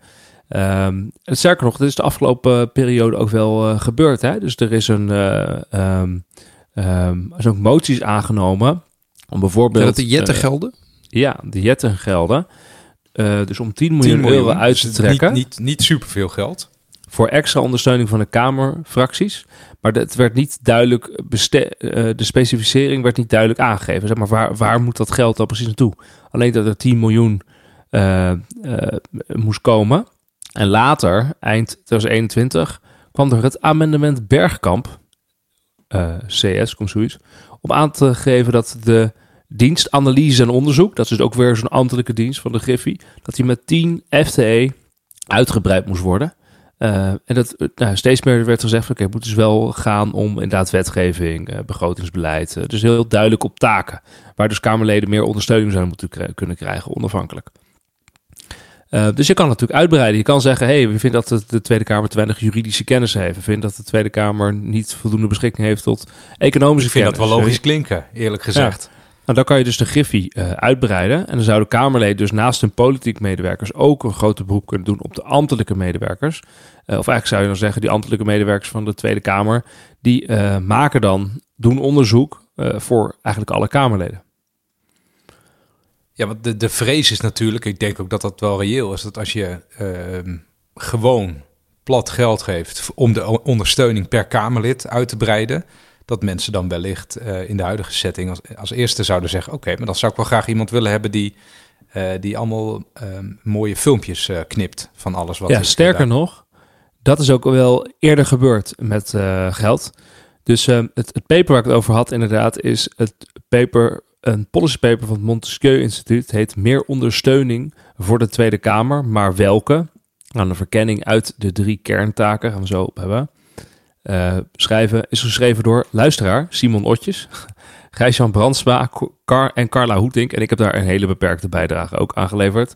Ehm, maar daar gaat dus, de, de- wat je daar dus, dit is ook een reactie op. hey, als je 10 miljoen euro hebt, wat ga je er eigenlijk mee doen? Ehm, en we weten uit eerdere, eh, eerdere ervaring ook wel, dat op het moment dat je gewoon aan fracties geld geeft, en zegt hier, heb- je hebt meer fractiebudget, koop maar mensen Ah, in. lekker, auto met chauffeur. Ja. Nou, nee, dan komen dus campagnemedewerkers vooral, hè? Om dus Ja, inderdaad meer bezig te houden met externe communicatie. Lekkere filmpjes. Dus dat wordt, gaat niet snel naar echt eh, inhoudelijke medewerkers. Dus het wordt, gaat vooral naar wat de- de volksvertegenwoordigende functie. Namelijk meer laten zien in de buitenwereld aan, ehm, aan het electoraat. Waar je mee bezig bent in die Tweede Kamer. Terwijl je Ja. natuurlijk ook kan zeggen, ja, maar we willen niet dat je, met die, dat je het op die volksvertegenwoordigende functie gooit. Maar dat je juist je controlerende taak beter, eh, eh, beter kan uitvoeren. eh, omdat je bepaalde expertise inkoopt. Of je wetgevende taak, omdat je bepaalde juridische expertise inkoopt. Maar dat, dat kan je niet op sturen op het moment dat je gewoon de fracties maar meer geld geeft. Dan moet je dat Maar- bijvoorbeeld doen via de ambtelijke ondersteuning van, vanuit de Griffie die voor alle Kamerleden geldt. Maar wie maar, hebben jullie het er ook over gehad met... eh, ik vond het subliem paper trouwens van, eh, van Simon. eh, het ook gelezen. Maar wat, wat ik de- aan het einde me direct afvroeg... Ik vond het heel mooi dat jullie die scheiding maakt. Van dus, dus je kunt het hebben over betere wetgeving maken... die beter controlerende rol beter doen... of die volksvertegenwoordigende taak beter doen. En de verwachting is inderdaad dat het vooral naar die volksvertegenwoordigende taak gaat. Gewoon meer communiceren, meer zenden naar de mensen... Ja. meer in gesprek zijn. Ehm, maar het lastige is, de volksvertegenwoordiging is de hoogste macht. Dus als je die zelf vraagt... Goh, wil je meer geld uitgeven aan jezelf dan is dat ook de, het orgaan dat mag bepalen waar het het aan uitgeeft. Dus het is altijd een beetje vanaf de zijlijn een beetje wijslopen doen. Met ja, maar u zou het eigenlijk moeten uitgeven aan uw controlerende rol en uw wetgevende rol. Want daar moet meer Misschien kwaliteit maak je in. het nou te cynisch, Wouter. Want het is ook een beetje het verschil tussen het individuele belang en het collectieve belang van de Kamer. Eh, Mhm. Ik kan me best voorstellen dat de Kamer als, als instituut wel zou zeggen: oké, eh, als wij meer geld krijgen, dan moeten we het, dan moeten we het in de inhoud steken. Eh, want als we, hè, we, we kennen onszelf. Eh, als we het individueel mogen bepalen, dan zijn de incentives toch wel zo dat we dan gaan zorgen dat we herverkozen worden. Ik hoop het echt, Randy. Heb je het daarover gehad, eh, Wiemer, tijdens het opstellen van dat paper? Of hebben jullie die, is jou die gedachte wel eens ingekomen van... Ja, dat uiteindelijk is het het hoogste orgaan in onze eh, democratische rechtsstaat. Eh, dus mag het ook bepalen of het in dan onze ogen onverstandige dingen gaat doen ermee. Jazeker, maar dat, klopt. Maar de Tweede Kamer, ik denk dat Randy het goed zegt, er is een individueel belang en er is een collectief belang. En op het moment dat je met z'n allen collectief erachter komt, eh, dus eh meerderheid van de partijen komt achter, we kunnen eigenlijk niet zo goed controleren, eh, want we missen bepaalde kennis. Ja, dan kan je dus bepalen dat die kennis voor iedereen beschikbaar komt via de, via de Griffie. Dat, dat kan je organiseren. Ik maak trouwens net een foutje, want dus die, die 10 miljoen van Jette, daar is dus al van eh, bekend geworden dat toen dat naar de Tweede Kamers fracties ging, eh, dat er maar enkele partijen beleidsinhoudelijke fractieondersteuning ermee gingen kopen. En het grootste gedeelte eigenlijk vooral persvoorlichters aanstelden of een financiële reserves aanvulden. Ja, ja, ja. dat is dus eigenlijk wat er, Nee, eh, wat er gebeurt. We moeten ook niet helemaal, hoe zeg je dat, te, te hard die, die, die, die geachte leden van de Kamer bashen. Want ik, ik heb dus ook nog steeds wel twijfel over of die inhoudelijke ondersteuning wel zo nodig is om dat werk te doen. En dat baseer ik echt niet alleen op wat ik hè, eh, op de voorpagina van het AD lees, maar ook gewoon op eigen ervaring. Eh, hè, je zit daar met een politieke kleur. Vanuit die bril doe je dat controlerende werk ook. Dus hè, je controleert natuurlijk extra sterk op dingen die jij dan belangrijk vindt. Ehm, ja, en je kan ook zeggen. Of nou ja, nee, laat ik het zo zeggen. Sorry, ik hakkel, ik hakkel er een beetje naartoe. Sorry daarvoor. Maar zo ingewikkeld is het dan soms ook weer niet. Hè? Dus een Kamerlid eh, zou ook de tijd moeten hebben om zelf zo'n wet te lezen. Want als zo'n wet zo complex is eh, dat het alleen via experts benaderd kan worden, dan gaat zo'n wet ook nooit werken. Want zo'n wet wordt aangenomen en dan moeten er allerlei mensen, bedrijven, eh, gemeenten, weet ik veel. Maar nu pleit je eigenlijk, nu kunnen pleit je werken. eigenlijk voor meer Kamerleden, Randy. Je pleit Ja. je eigenlijk voor meer Kamerleden. Zeker. Je zegt dan, Kamerleden hebben niet de ruimte om, eh voldoende ruimte om wetten goed te lezen. En Nee, die moeten zelf die wet kunnen lezen. Ja, Het kan ook en-en zijn. Kamerleden plus. ja natuurlijk, natuurlijk kan het en-en zijn. Maar als, als je mij vraagt van waar zit nou de clue van dit probleem, dan is het, dan is het eerder die, die eh, relatief ontzettend kleine kamer die wij hebben, eh, dan, dan dat gebrek aan ondersteuning. Ja, ik ben ook dat. Wat, wat ik, we hebben het nu een beetje over wat kan er dan beter. Dus ik dacht, we, we lezen ook dat. eh, Dat was het rapport dat jij noemde, die staatscommissie eh, Remkes. dat was het rapport van 385 pagina's waar je nog een keer pleidooi over wilde houden. En die dat de rapporten korter moesten. Ja, is belachelijk Ehm. Ja. Maar wat, wat ik interessant vond, is als je daar kijkt naar wat er allemaal geadviseerd wordt. En dat zijn echt. Ik vind, ik smul wel echt van dat soort rapporten. Ik vind het echt ontzettend goed dat dat gedaan wordt. Ehm, ja, maar je hebt het ook niet helemaal gelezen, toch, Wouter? Eh, nou, ik heb wel gisteravond de hele avond genomen. Ik, ik heb dus wel een zwak voor dit soort eh, grondige analyses, moet ik zeggen. Maar er, er komen gewoon hele leuke ideeën in naar voren. Dat is gewoon echt mooi. Ehm, ideeën als een... een, een maar maar waar, waar ik naartoe wilde is... Van wat, wat, wat zo voor, voor, laten we zeggen, adviezen er dan uitkomen... die zijn helemaal niet zo heel schokkend. Dus het gaat over een persoonlijke component aan je stem toevoegen... een regionale component in ons kiesstelsel... Ehm 5 mei tot ook een soort democratiedag maken. Misschien een constitutioneel hof. Ehm, de wet op de politieke partijen wat aanscherpen. Een binnen het correctief re- referendum. eh, een formateurkiezer bij je stem. Maar echt over het Nou ja, aanpassen van hoe de Tweede Kamer... eh? Ja, dat zijn, dat zijn een paar dingen. Maar, maar, maar toen zat ik na te denken van... Is dit, dit is niet het omgooien van ons democratisch bestel of iets dergelijks. Dus als je de hoeveelheid ehm, stukken die erop gepend worden... en commotie die gemaakt wordt over het niet functioneren van de Tweede Kamer bij elkaar optelt... denk ik dat je ook een soort van spiegel moet, of, moet hebben van... Of, of een bril moet hebben van heel veel komt misschien wel voort uit politieke ontevredenheid... Ehm, dat het niet de kant op gaat die degene die roept wil. Ehm, en niet per se uit onvrede met het functioneren van het Democratisch Instituut, als het ware. Ehm, zelfs als er echt, echt een heel grondig rapport geschreven wordt, eh, waar, waar de Tweede Kamer als instituut ehm, niet echt wezenlijk eh, eh, wordt veranderd in, in de suggesties die het doet. Snappen jullie? Ja, ik, ja, ik volg je helemaal. Maar ik lees dat, ik, ik lees dat, dat belachelijk dikke rapport. Ik lees dat toch anders. Want je hebt dus. Ehm, je hebt dus een Kamer die niet functioneert zoals men wil. Dus, eh, zel- dat, dus wij zijn daar ook weer, wij zijn er dus super genuanceerd over. Maar Kamerleden zelf zeggen ook van het werkt toch niet lekker. Hè? We moeten te hard werken en eh bladibladibla. We kunnen ons controlerende werk daardoor niet goed doen. Eh, en als de essentie, stel nou dat de essentie, of stel nou, als de essentie daarvan is dat je eigenlijk met te weinig bent, eh, wat, wat ik dus denk, dan ga je dat rapport heel anders bekijken. Want dan denk je, we komen hier met allemaal ditjes en datjes om eh, we het echte kernprobleem, namelijk dat er in feite te weinig Kamerleden zijn om gewoon zelf die wetten eh, een beetje goed eh, te lezen, eh, gaan we dat proberen op te lossen door een enorme kerstboom op te tuigen. Met met allemaal, allemaal, allemaal, kleine dingetjes. Ja, ik denk dat dat, een, ik denk dat dat een heilloze weg is. En ik zie dat ook wel in de reactie van het kabinet. Dat is ook trouwens echt eh, verdomd lastig op te zoeken... wat ze nou echt met zo'n, met de, met zo'n rapport gedaan hebben. Hè? Want dat rapport is al eh, inmiddels een, eh, eventjes oud. En volgens mij zijn er maar drie dingen die, die daar echt mee gebeuren. Namelijk de wijze van kiezen van de Eerste Kamer wordt veranderd. Dus ze willen dan om, om de halve periode de helft gaan kiezen. En dan dat ze zes jaar zitten. Nou, dat was voor 1983 ook zo. Dat, dat kan, dat kan eh, heilzaam zijn, weet ik niet. Gaat, eh, maar dat is, dat is, dat is marginaal. Eh, bij het veranderen van de grondwet willen ze niet, dit, dit zijn er maar drie hoor, willen ze niet om en om stemmen in de, hè, eerst in de Tweede en dan in de Eerste Kamer, maar één gezamenlijke vergadering. Nou, dat kan, dat kan ook. Hè? Dat is net wat efficiënter wellicht. En een terugzendrecht voor de Eerste Kamer. Dat zijn de drie substantiële dingen die ze ermee doen. Eh, en een wijziging van het kiesrecht, maar dat is niet helemaal helder waar dat, eh, waar dat staat. Althans, dat is voor mij niet helemaal helder. Ja, wat bedoel je dan precies, Randy? Nou ja, eh, ik, ik zie dat het kabinet of de regering het ook lastig vindt om opvolging te geven aan die aanbevelingen van staatscommissie Remkes. Ja, en misschien is dat wel omdat het een soort, die aanbevelingen, dat, dat zijn een soort bloemblaadjes die de echte kern, dat, dat de Kamer te klein is om al dat wetgevende werk te doen, eh, die om die echte kern heen zitten, maar die kern missen.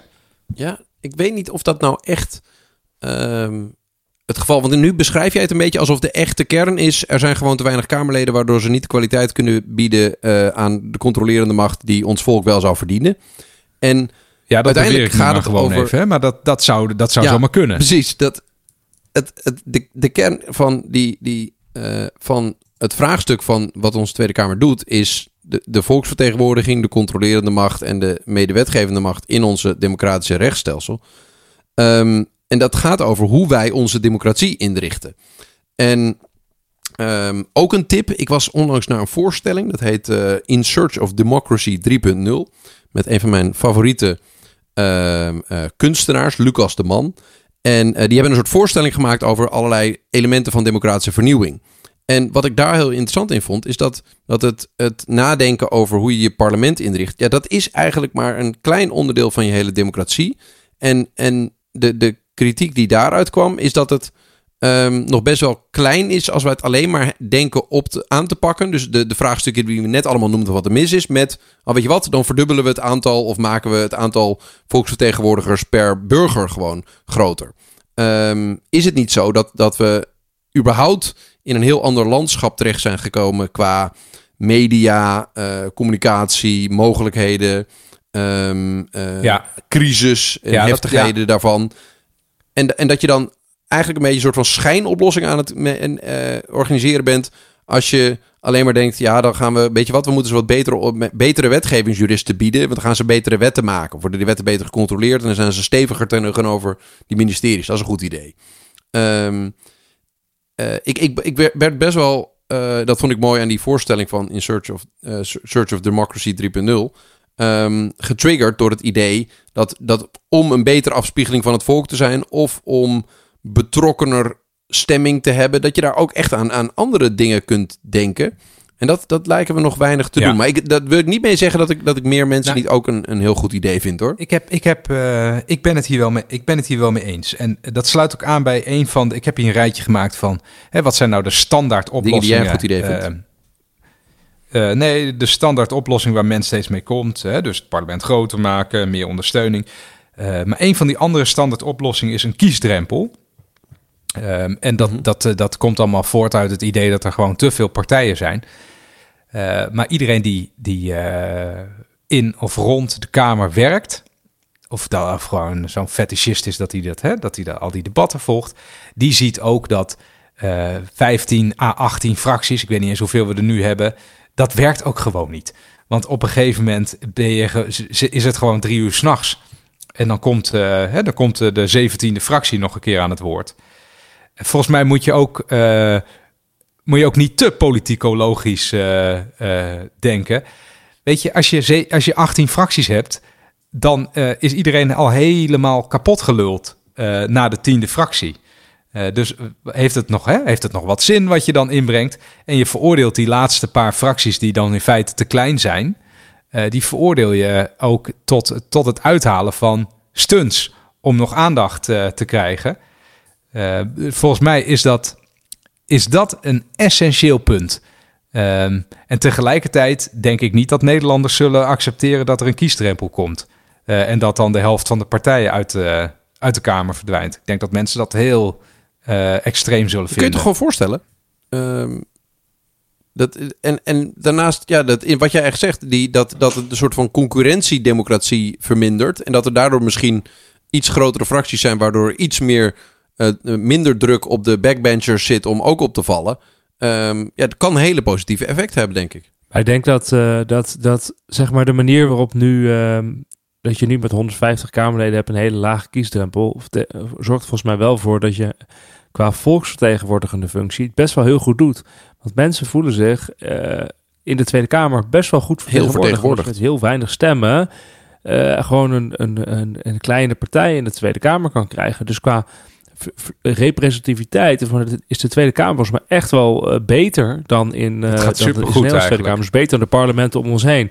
Het enige nadeel ervan is dat doordat het representatieve qua volksvertegenwoordiging zo goed is, is het eigenlijk qua volgens mij dus controlerende functie weer zwakker.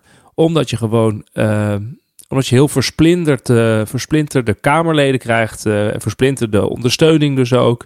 Eh, en daardoor is je positie als tegenmacht of als controlerende macht op zich van de regering is verzwakker. Mij is het gewoon zo'n soort trade-off. Je, je hebt natuurlijk ook gewoon saaie onderwerpen. Of onderwerpen die, niet, die even niet leven. Maar die wel eh, belangrijk zijn voor eh, het goed draaien van het, van het land. En als je een fractie hebt met 50 eh, mensen, dan heb je best wel een paar mensen over die een beetje saaie dingen kunnen doen. Maar als je een fractie hebt met twee mensen, dan, eh, dan wordt dat heel lastig. Dan ga je, dan ga, en je bent bezig met te overleven als partij. En wat SGP bijvoorbeeld is, is natuurlijk totaal atypisch. Maar ik zou dus eerder eh, de, de, de, het aantal Kamerleden vergroten. Vergroten. Dat je meer Kamerleden hebt dan dat ik de kiesdrempel zou verlagen. Of verhogen. Want volgens mij is het, want als je zeg maar het aantal Kamerleden verhoogt, eh, en je houdt de kiesdrempel hetzelfde, is het qua vertegenwoordigende functie, blijft het dus hetzelfde, net zo sterk ongeveer. Ehm, alleen wordt het ook dus sterker, omdat er meer Kamerleden zijn, om inderdaad allemaal eh, kleine debatjes waar je geen tijd voor hebt als je een kleine fractie bent, om die dan af te gaan lopen. Beetje Dus saaie dingen te doen. ja, precies. En wat, wat vinden jullie van het tegenargument dat mails mensen uiten dat, dat er dan juist, eh, als er nog meer Kamerleden zijn, dat er nog meer ruimte is voor afsplitsingen van afsplitsingen van afsplitsingen. Dat je straks met 40 partijen in de, de Kamer van 300 Kamerleden zit. eh, die ook allemaal bij een begrotingsbehandeling allemaal een paar minuutjes moeten hebben om te reageren. Dat je gewoon een week bezig bent met één debat.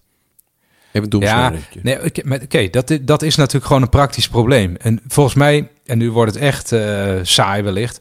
Eh, je moet wel echt wat gaan regelen in dat reglement van orde. Hè? Dus dat, dat spelregelboekje waarin de Kamer eh, bepaalt hoe dingen lopen.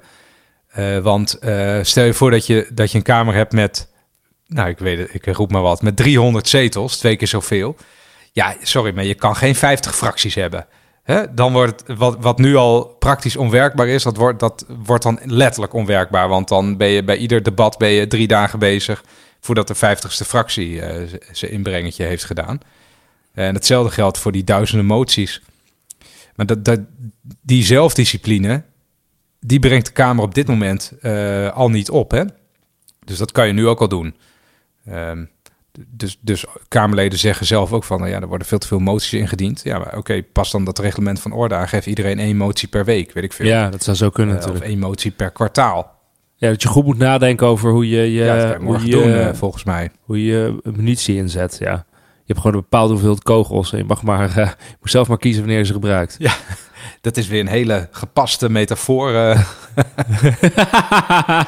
ja, Ja, je mag maar, je Je mag mag maar er een één ander keer, gooien, je mag maar één keer een collega bedreigen per jaar. ja, precies. Maar een andere ingooien. Ja, tuurlijk, doe het. Ehm, wat ik eh, zelf altijd wel grappig eh, leuk vind om eens over door te denken. Als je het toch hebt over de ondersteuning van de Tweede Kamer. Vind ik het wel bijzonder dat je dus ehm, ondersteuning hebt op wetgeving. Je hebt ondersteuning op wat kennis. Je hebt ook wat ondersteuning op communicatie. Hè? Maar in heel veel landen bestaat er iets als een budget office voor het parlement. Dus dat het parlement een eigen ehm, eh, ambtelijke club heeft eigenlijk, of eigen organisatie heeft, waar dus mensen werken met veel verstand van eh, economie en overheidsfinanciën. Dus gewoon ook gewoon, nou, we hadden het net over trust. Ja, die, die wou het niet aan het budget office eh, voorleggen, inderdaad. Ja, daar werkt natuurlijk anders hè, in, in het Verenigd Koninkrijk. Maar ehm, het is wel bijzonder dat we dat in Nederland niet hebben. Kijk, je kan Nederland zeggen van, hé, hey, we hebben een Centraal Planbureau. En een Centraal Planbureau, dat, eh, dat werkt zowel voor de regering als voor, de, voor, de, voor het parlement. Maar je kan ook zeggen, hé, hey, wat bijzonder eigenlijk dat het eh, Nederlandse parlement niet zijn eigen budget office heeft als onafhankelijk eh, controlerende orgaan, zeg maar. Waar je, wat je gewoon volhangt met een goede ondersteuning. Hoe verschilt dat dan van als je het Centraal Planbureau gewoon van de Kamer zou maken? Dat is toch gewoon het CPB dan, maar dan wat meer van de Kamer inderdaad. Wat je nu Nee, zegt. want je zou dus wel zeggen dat het een ander instituut is. Dus je zegt wel van dit doet dingen in opdracht van de Tweede Kamer. Dus de Tweede Kamer die, eh, die eh, wil dan ook weten als er begrotingen aankomen of er is een eh, discussie over overheidsfinanciën of over belastingen, wil dan zelf een opdracht geven aan het eigen budget office om het te bekijken. Betekent ook dat je dus ehm, Ja. Ander soort informatie naar boven kan krijgen dan als het Centraal Planbureau daar natuurlijk naar kijkt. Hè? Ehm, het Centraal Planbureau heeft vooral een hele zware eh, taak in de ondersteuning van, de, eh, van eigenlijk het, het beleidsproces binnen de regering. Hè? Dus van de uitvoerende macht, met allemaal ramingen, er wordt er beleid op gemaakt en dat soort zaken allemaal. Ehm, Ja, maar het is niet zozeer Ja. dat de Tweede Kamer van alles kan roepen. Ja, wel om verkiezingsprogramma's door te rekenen, wel om een tegenbegroting te maken. Maar echt aanvullende vragen neerleggen, dat is natuurlijk daar niet, eh, niet heel gebruikelijk. En je zou het ook eens kunnen zeggen, nou, een, een kennis, eh, een kennispositie, die wordt dan versterkt. Want je kan eh, als Kamerleden en eh, ondersteuner van Kamerleden, heb je een eigen, eh, nou ja, een eigen budget office waar je vragen kan stellen. Of onderzoeken neer kan leggen. Eh, vind ik eigenlijk wel een goeie. Ja, nu ik over nadenk. Ja, je hebt de Algemene Rekenkamer, doet ook meer. Die publiceert ook heel veel open over eh, doelmatigheid van overheidsbestedingen. Daar putten ze ook uit. Maar het is niet een instituut van de Kamer, van het parlement. Je zou een vraag kunnen stellen bijvoorbeeld over, eh, over eh, een economische redenering, of die wel klopt. Of dat budget, budget office naar kan kijken. Of een bepaalde budgetair beslag van een wetsvoorstel. Dat je budget office daar nog een keer een check op doet. Of nou, dat soort vragen zouden kunnen neerleggen. Dat, vind ik, dat zou best wel waardevol eh, kunnen zijn. Oké, wat kunnen we nu concluderen dan, eh, Wouter? Als ik, als ik onze discussie volg, dan zou ik denken... Ja, het valt wel, wel een beetje mee, hè? Met, we moeten niet allemaal nu in het koor gaan roepen... hoe verschrikkelijk eh, de Kamer functioneert. Eh, maar de, de kern van de, de toch wel bestaande onvrede is in feite... dat de Kamerleden het te druk hebben... omdat ze met te weinig zijn dan wel te kleine fracties hebben. Ja, en ik denk dus dat ook wel een van de conclusies is dat we heel vaak de, de zorgen over de inhoud is niet goed genoeg. Het moet grondiger, het moet eh, nauwkeuriger, die controlerende functie moet beter. Dat daar best wat in zit, maar dat de, de echte eh, richting voor een oplossing uit die Kamer zelf moet gaan komen. Dat, dat doet mij dit gesprek ook wel een beetje geloven. Ehm, en dat, we, dat, dat heel veel klachten daarover vaak voortkomen uit ontevredenheid met de uitkomst. En niet Dat men het beleid ontevredenheid gewoon slecht vindt. ja, precies. Als je gewoon het er niet mee eens bent, kan je ook gewoon gaan klagen over dat ze allemaal lui en dom zijn. Eh, maar het is wel de volksvertegenwoordiging. Ehm, en dat is het hoogste orgaan in onze democratie. En daar moet, denk ik, ook ehm, ja, de, het, het zelf eh, eh, groeiend vermogen vandaan komen. Ehm, en, en ja, die simpele kritiek, dat, dat, dat, zo, dat zit allemaal niet zo makkelijk. Ja, precies. ik Ik denk toch dat je nog kan zeggen van eh, eh, veel van de kritiek op hoe de Tweede Kamer functioneert ontstaat volgens mij ook uit een soort eh, utopisch ideaal van hoe, hoe de Tweede Kamer zou moeten functioneren. dus gedoelloos. van- met, met Ja. 150 heiligen. Ja, je? eh, met, met fantastische redenvoeringen op Met van eh, mening inhoud en, en een ratio gebaseerd, waardoor iedereen meteen Waarde mee collega, wil. u, u heeft gelijk. Ik verander van mening. Ja, precies. Dat de Kamerleden tegen elkaar zouden zeggen... u heeft gelijk, ik verander van mening. We luisteren naar elkaars argumenten... en dan gaan we ook echt eh, aan de gang. Ook alsof er zeg maar geen oppositie en coalitie zou zijn. Ehm, dus volgens mij is het ook van... ja, als je, als je dat utopische beeld hebt... eh ideaaltypische beeld hebt misschien... eh, dat, dan krijg je, word je ook wel teleurgesteld. Dus dat speelt, eh, speelt denk ik wel mee. En tegelijkertijd ik... ja, je kan klagen over de volksvertegenwoordiging... maar het is ook wat ik eerder probeer te zeggen. De volksvertegenwoordiging is ook een gevolg van de kiezer. Hè? Dus de kiezer kiest deze Ja. volksvertegenwoordiging. De kiezer. Dit, dit, is willen een dit. af, dit, is een dit is een afspiegeling van het volk. Dus je kan wel. ehm, je kan wel heel hard klagen, maar eh, in die end eh, is veel geklaagd. Komt toch vaak inderdaad van mensen die zeggen: Oh, die, die politicus van die partij waar ik zelf niet op gestemd heb. Jeetje, dat is zo verschrikkelijk. Dat Die zou eigenlijk niet meer Die moeten knetter. kunnen. Ja, ja, ja. Dat is Ja. toch wel vaak wat er gebeurt. Ook natuurlijk nu heel vaak eh, de, de, dat, de populisten versus de, de progressieven in het, in het in Maar zijn jullie het dan ook met mij eens dat, dat, het, dat het nu eh, doen van allerlei ditjes en datjes om eh, de boel te verbeteren ook wel weer dan wel dus wel tricky is? Nee. Ik denk dat het een soort no regret is om het aantal Kamerleden uit te breiden. Ja. Een soort no regret is om het aan Ja, oké, maar dat ondersteuning uit te breiden. Ehm, en ik denk ook dat je, dat je zowel de fractieondersteuning als dus de griffen van de Tweede Kamer zou moeten uitbreiden. Dat vind jij geen ditje datje? Nee, nee, dat vind ik grote, dat vind ik grote dingen. Ja, ik nee, vind jouw dat- ditje datje van maximeer het aantal eh, moties per Kamerlid. Dat vind ik, ik weet niet of jij het een ditje datje vindt, maar ik vind dat eigenlijk wel een heel goed idee. Ja, ik eh, lul mezelf nu in de hoek, want dat heb ik zelf geopperd. Het is een klein dingetje, maar vind ik een heel goed idee. Maar dat is gewoon, een, dat is gewoon Ja. dat, maar dat is weer dat de Kamer het zelf moet doen. En dat is, dus aan, dat is gewoon pas het reglement van orde aan. En zorgen dat de orde een beetje bewaard wordt. En dat het proces een beetje leidt Nou. tot eh, inhoudelijk verstandige dingen. En dat moet de Kamer zelf doen. Dat zouden ze dus wel eens een keer kunnen doen. Dat kost ook geen geld. Dat, is, dat kun je morgen doen. Eh Ja. Begin daar maar nog één conclusie mee. doen, Randy. Ja, Eh, zeker. wat ik denk dat er eigenlijk onder ligt, is dat wat we zien in onze maatschappij, is dat er ontzettend veel crises of meerdere crises aan, aan, de, aan de gang zijn. En het een daarvan is dat er een grotere maatschappelijke polarisatie is. Dat groepen harder tegenover elkaar staan, dat er meerdere grote scheidslijnen door de maatschappij komen. En dat leidt ertoe dat groepen ehm, steeds vaker stemmen in het parlement horen die flink niet overeenkomen met hoe zij in, in, in het leven staan. Ehm, en Ja. dat leidt er ook toe dat mensen dat vaak verwarren. Ehm, dus dat, dat maatschappelijke polarisatie hetgeen is wat er eigenlijk onder ligt. En dat mensen vervolgens vinden dat de volksvertegenwoordiging niet meer goed functioneert. omdat het, dat daar te harde clashes plaatsvinden. Maar die harde clashes zijn een, juist een vertegenwoordiging van een reëel. groter fenomeen. Namelijk die grotere polarisatie in de maatschappij. Ja. En dat is juist prima dat het dan gebeurt. Want uiteindelijk moet die volksvertegenwoordiging een clash van ideeën zijn. Die uiteindelijk tot ehm, ja, een, een, hopelijk het voortkomen van beter beleid in de toekomst komt. Of een betere keuzes van de kiezers, kiezer bij, bij de volgende verkiezingen. En, en dus is het meer een soort, in mijn ogen een soort van boven, de, boven het water komend eh, onderdeel van een groter maatschappelijk fenomeen. Dat het, dan dat het nou allemaal naar de haaien aan het gaan is in dat instituut. Nou, ik zeg halleluja, leven de democratie. Dat gaat eigenlijk eh, op punten hartstikke goed. En bel de architect. Nieuwe kamer moet groter.